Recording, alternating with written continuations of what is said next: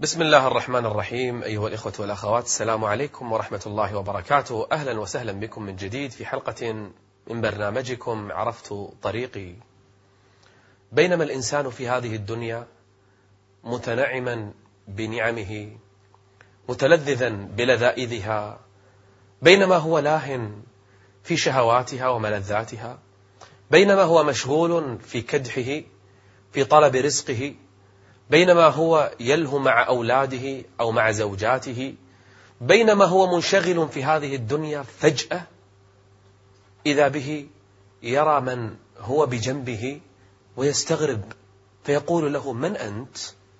فيقول له أنا ملك الموت أنا ملك الموت. كل منا سيمر بهذه اللحظات كل منا سيأتيه يوم يرى أن دقات قلبه كأنه يسمعها وكأنه يعدها عدا. كل منا سيأتيه يوم يشعر بقدميه تبردان. فقد خرجت منهما الروح شيئا فشيئا. كلا إذا بلغت التراقي. تخيل ذلك الرجل الذي كان مستلقيا على فراش الموت وفراش المرض. حوله من؟ أطفاله وربما زوجته وربما كانت أمه تبكي عنده وإخوانه ربما جاء أبوه بالطبيب أو أخوه بالمسعف وربما دخلوا عليه. يريدون أن يرجعوا القلب مرة أخرى إلى نبضها إلى نبضه لكن هو يعلم أنه سيفارق هذه الدنيا. ربما جاءته بنته الصغيرة فقالت يا أبي يا أبي ما لك؟ لمن تتركنا؟ يا أبي لمن تدعنا؟ يا أبي لا تذهب لا تذهب نحن لوحدنا. ينظر إليها لا يستطيع أن يجيبها. ربما الطفل الصغير ابنه الصغير الذي كان قد تعلق قلبه به ربما انكب على صدره يبكي وهو يقول يا أبي لقد وعدتني بلعبة أين هي؟ هل ستأتيني بها؟ وهو يعلم أنه مفارقه. ربما بكت الزوجة وهو ينظر إليها ولا يدري هل ستتزوج بعده غيره. ربما رأى أمه ثكلى تدمع عيناها ولا يدري هل ستطيق الحياة بعده أم ستموت بعده. كلا إذا بلغت التراقي الروح تبدأ خروجها يبدأ من الرجلين من الساقين تبدأ ترتفع شيئا فشيئا.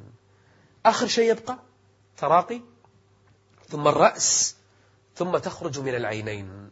آخر شيء الإنسان ينظر إلى الدنيا يغلق يفتح يديه لأنه لا يستطيع أن يأخذ شيئا منها. خلاص. تيبس القدمان تيبس اليدان. يبدأ النفس يثقل شيئا فشيئا. نبضات قلبه يعدها عدا. أنفاسه الأخيرة حتى ينتهي منها لا بد أن يختمها. هناك عدد محسوب لا بد أن يتمه. ثم يعلم أن الطبيب لن يفعل شيئا. يأتي المسعفون وقيل من راق؟ من يرقيه؟ من يداويه من يعالجه وهو يعلم أن لا فائدة. كلا إذا بلغت التراقي وقيل من راق وظن أنه الفراق والتفت الساق بالساق يلف بالكفن ثم يسأل إن كان مجرما يا ويلها. يا ويلها إلى أين تذهبون بها؟ إلى عذابها؟ وظن أنه الفراق والتفت الساق بالساق. إلى ربك يومئذ المساق. مصيبة لو كان في هذه اللحظات حتى الصلاة ما صلاها فلا صدق ولا صلى ولكن كذب وتولى. هل استعدينا لهذه المرحلة؟ لهذه اللحظات؟ أحد الصالحين شاب كان يحتضر وأصيب بطلقة من عيار ناري بالغلط. أخذه أبواه مسرعين به إلى المستشفى إلى الإسعاف إلى الطوارئ إلى الحوادث أدخلوه وهو طوال الطريق يقول لأبيه وأمه وهو يبتسم يا أبي لا تحاولون خلاص أنا ميت لأني أشم رائحة الجنة. الله أكبر. أدخل إلى الطوارئ. جاء الأطباء يحاولون إنقاذه ينظر إليهم ويبتسم ويقول لهم لا تفعلوا شيئا لأنكم لا تستطيعوا أنا ميت لا محالة لأني أشم رائحة الجنة. إنك ميت. إنك ميت وإنهم وإنهم ميتون. الموت حق لا بد منه. طال الزمان أم قصر؟ ليستعد الواحد منا كل يوم وليلة. ما يدري. وما تدري نفس ماذا تكسب غدا وما تدري نفس بأي أرض تموت كن مستعدا دائما كم من إنسان مات على غير طاعة للتو اليوم قبل أن آتي إلى الاستديو وأصور هذه الحلقة وجدت أحد رجال الشرطة. فسلم علي وبدا متأثرا. قال يا شيخ تو حصلت حادثة. قلت عسى ما شر. قال اثنين بحادث سيارة شاب مع صاحبته. أخذها ليس بمحرم لها ولا من أقربائها لكنها صاحبة من صاحبات الحرام. يقول كان يشرب وهي تشرب سكارى الاثنين. قلبت بهم السيارة يقول الشاب نجا في المستشفى أما الفتاة فاحترقت فيها السيارة وتفحمت بالكامل. حتى إذا جاء أحدهم الموت. حتى إذا جاء أحدهم الموت قال رب ارجعون. يا رب. يا رب ساعة بس. يا رب أقبل عيالي سلم على أهلي. يا رب ساعة بس ساعة. أصلي صلوات ما صليتها فاتتني. يا رب باخذ فلوس من الناس بالحرام أبي أرجعها. يا رب عندي صور أبي أمسحها. يا رب بس ساعة. ساعة أتوب أسجد ما أرفع رأسي من السجود. يا رب ساعة أبكي من خشيتك. أتوب من ذنوبي ومعاصي. ساعة بس. قال رب ارجعون. لعلي أعمل صالحا فيما تركت. للحين ومتردد لعلي يمكن أعمل صالحا فيما تركت. الله يقول كم مرة أصيب بحادث؟ كم مرة أصيب بحادث وعاهد ربه وكذب؟ كم مرة؟ كم مرة كان يقول يا رب بس أنجو من هذا المرض أتوب. كم مرة بس أطلع من السجن أتوب. كم مرة يا رب تكشف عني هذه الغمة أتوب. وكان كذاب. الحين نفس الشيء. كلا إنها كلمة كلمة هو قائلها. قالها كثير وكذب فيها. كلا إنها كلمة هو قائلها. ومن ورائهم برزخ إلى يوم يبعثون. الموت لا بد منه. لازم نموت بنموت. لكن المشكلة على أي حال سنموت. الأعمال بالخواتيم. من الناس من يموت ساجد. ومنهم من يموت راكع. ومنهم من يموت صائم. ومنهم من يموت ملبي. ومنهم من يموت شهيد. ومنهم من يموت سكران. ومنهم والعياذ بالله من يموت على فراش الفاحشة. ومنهم من يموت عاقل أمة. ومنهم من يموت هاجر للصلاة. أفنجعل المسلمين كالمجرمين؟ ما لكم ما لكم كيف تحكمون؟ فرق بين هذه الميتة وتلك الميتة. رجل شوفوا هذه القصة. لرجل ذهب إلى دولة عربية. دخل الفندق طلب الخمر عشان يشرب ومن زمان مشارب ومصدق رايح الدولة ويشرب ويشرب ويشرب بالفندق. بروحه بالغرفة من شدة وكثرة شربه والعياذ بالله لهذه القاذورات وهذا الشراب الملعون شاربه. أراد أن يتقيأ فذهب لدورة المياه وللمرحاضة. جلكم الله يتقيأ. في اليوم الثاني منظف الغرفة يطرق الباب. ما حد فتح الباب عنده مفتاح يدخل ينظف الغرفة. كالعادة كل الفنادق. دخل هذا المنظف أول ما ذهب إلى دورة المياه. يبي ينظف أجلكم الله الحمام.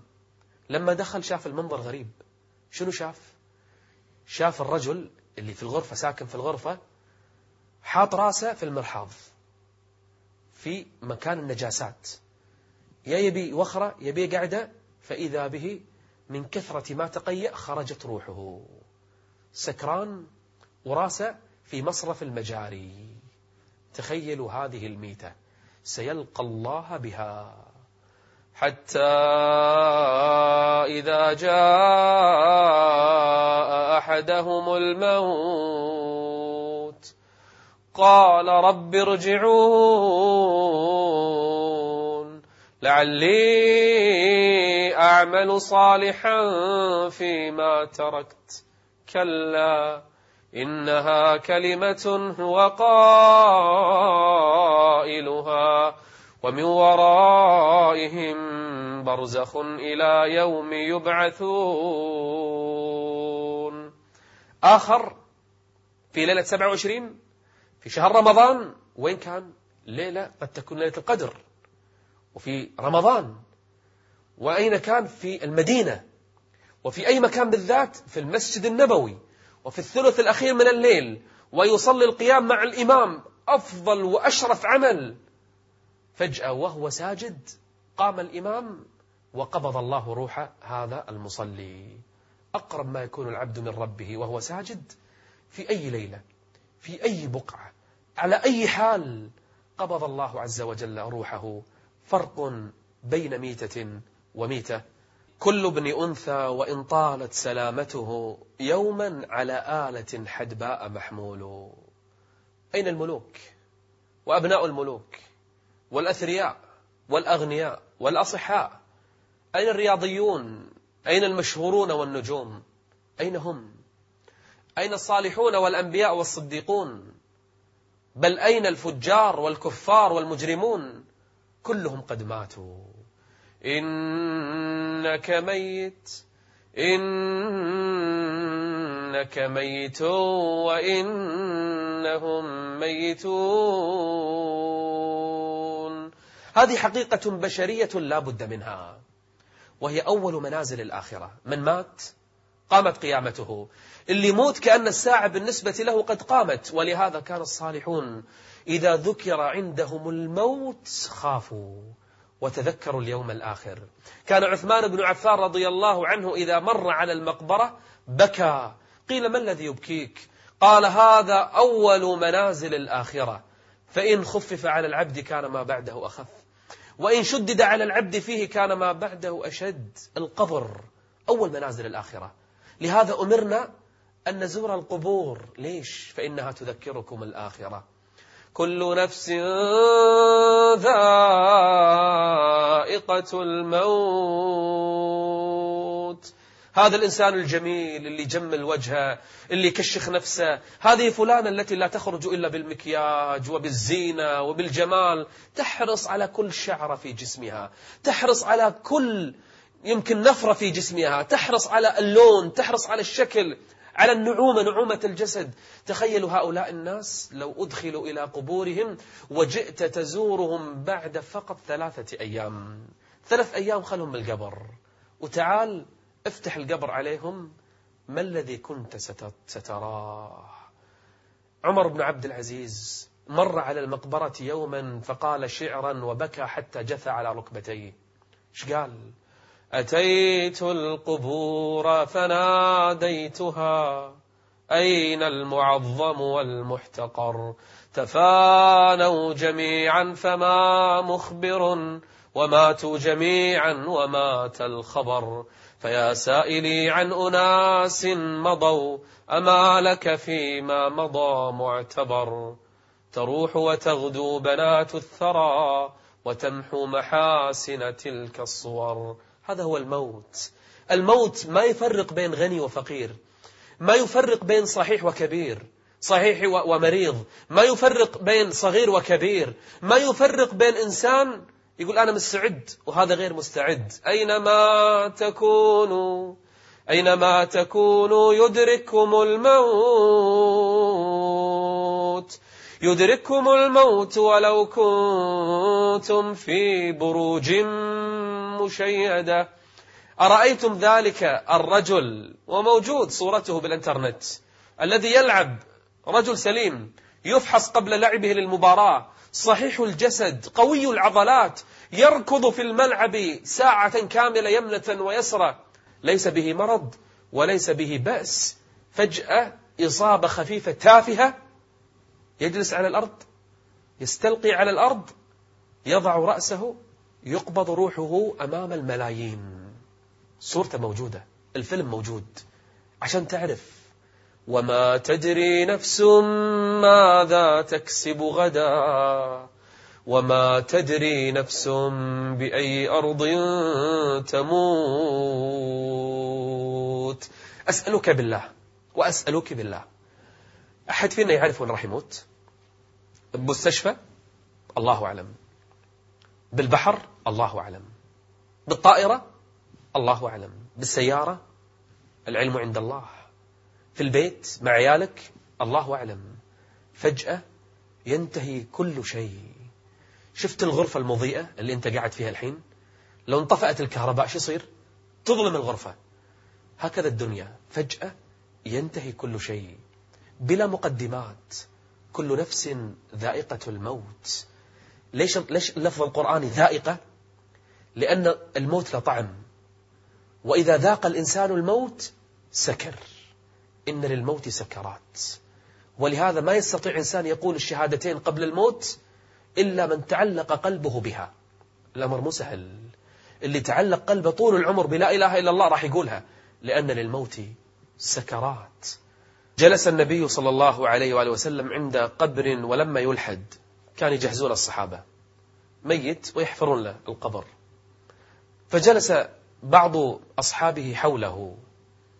وبيده عود ينكت على الأرض فدمعت عيناه وقال أي إخواني لمثل هذا فأعدوا لمثل هذا لمثل هذه الحفرة فأعدوا.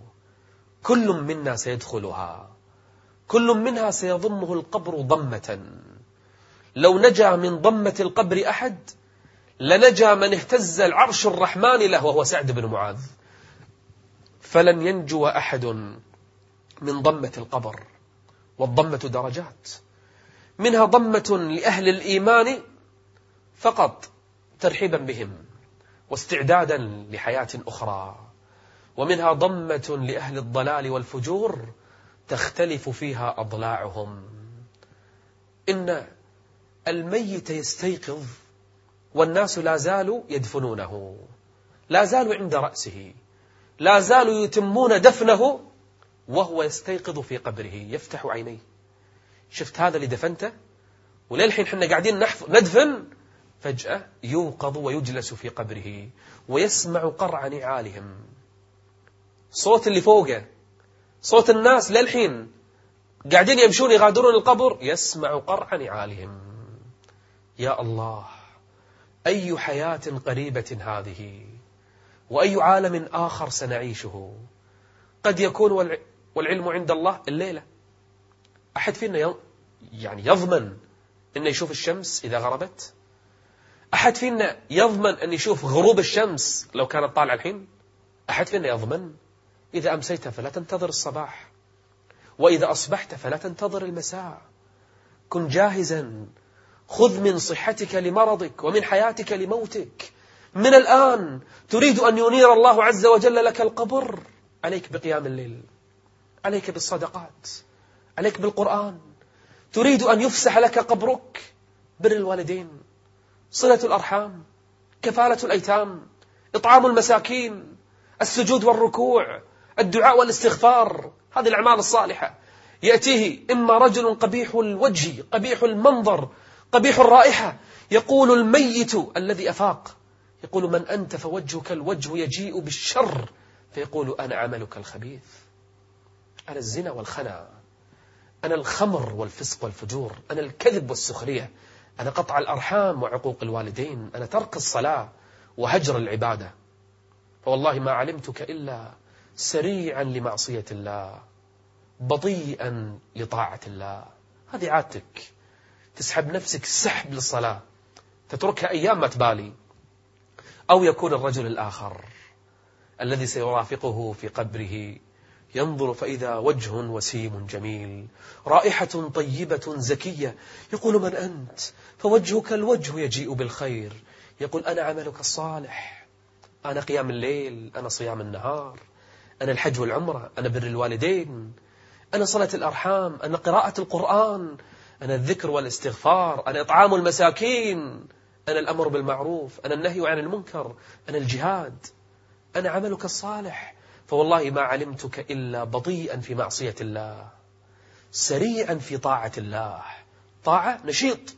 المعصية إن فعلتها تتثاقل وتندم بسرعة إذا فعلتها. يرافقه إلى أن تقوم الساعة. إما أن يكون القبر ضيقا حتى تختلف أضلاعه ويأتيه من سموم النار وحرها أو يفسح له قبره مد البصر ويأتيه من نعيم الجنة وريحها. يفرش له من الجنة. يا الله أحلى من قصره في الدنيا. أحلى من بيته. وده يطلع من قبره إذا كان من أهل الإيمان. بوده لو يطلع من قبره بس لحظة يقول حق عياله ترى أنا بنعيم لا تبشر علي. يونسهم ويرجع مرة ثانية. وده تقوم الساعة عشان يقابل أهله وعياله. فيقول الله عز وجل وهو ينادي رب أقم الساعة رب أقم الساعة رب أقم الساعة. فيناديه المنادي. أن صدق عبدي فأفرشوه من الجنة. ثم يقال له نم نم نومة العروس. فينام نومة خفيفة فيستيقظ فإذا القيامة قد قامت. هذه نهايتنا. هذا مصيرنا. إما من أصحاب اليمين وإما من أصحاب الشمال. الموت لا بد منه. الموت أمر مفزع أمر مقلق. أفزع الأولين والآخرين. أفزع الملوك والضعفاء. والعظماء وال وكل بشر على وجه الأرض أفزعهم الموت وأقلقهم. فهل استعد الواحد منا لتلك اللحظة التي قد تكون أقرب مما نتصور؟ تجهز لهذا اليوم. أسأل الله أن يثبتنا فيه على الدين وأن لا يميتنا إلا على الإسلام. استودعكم الله. السلام عليكم ورحمة الله وبركاته.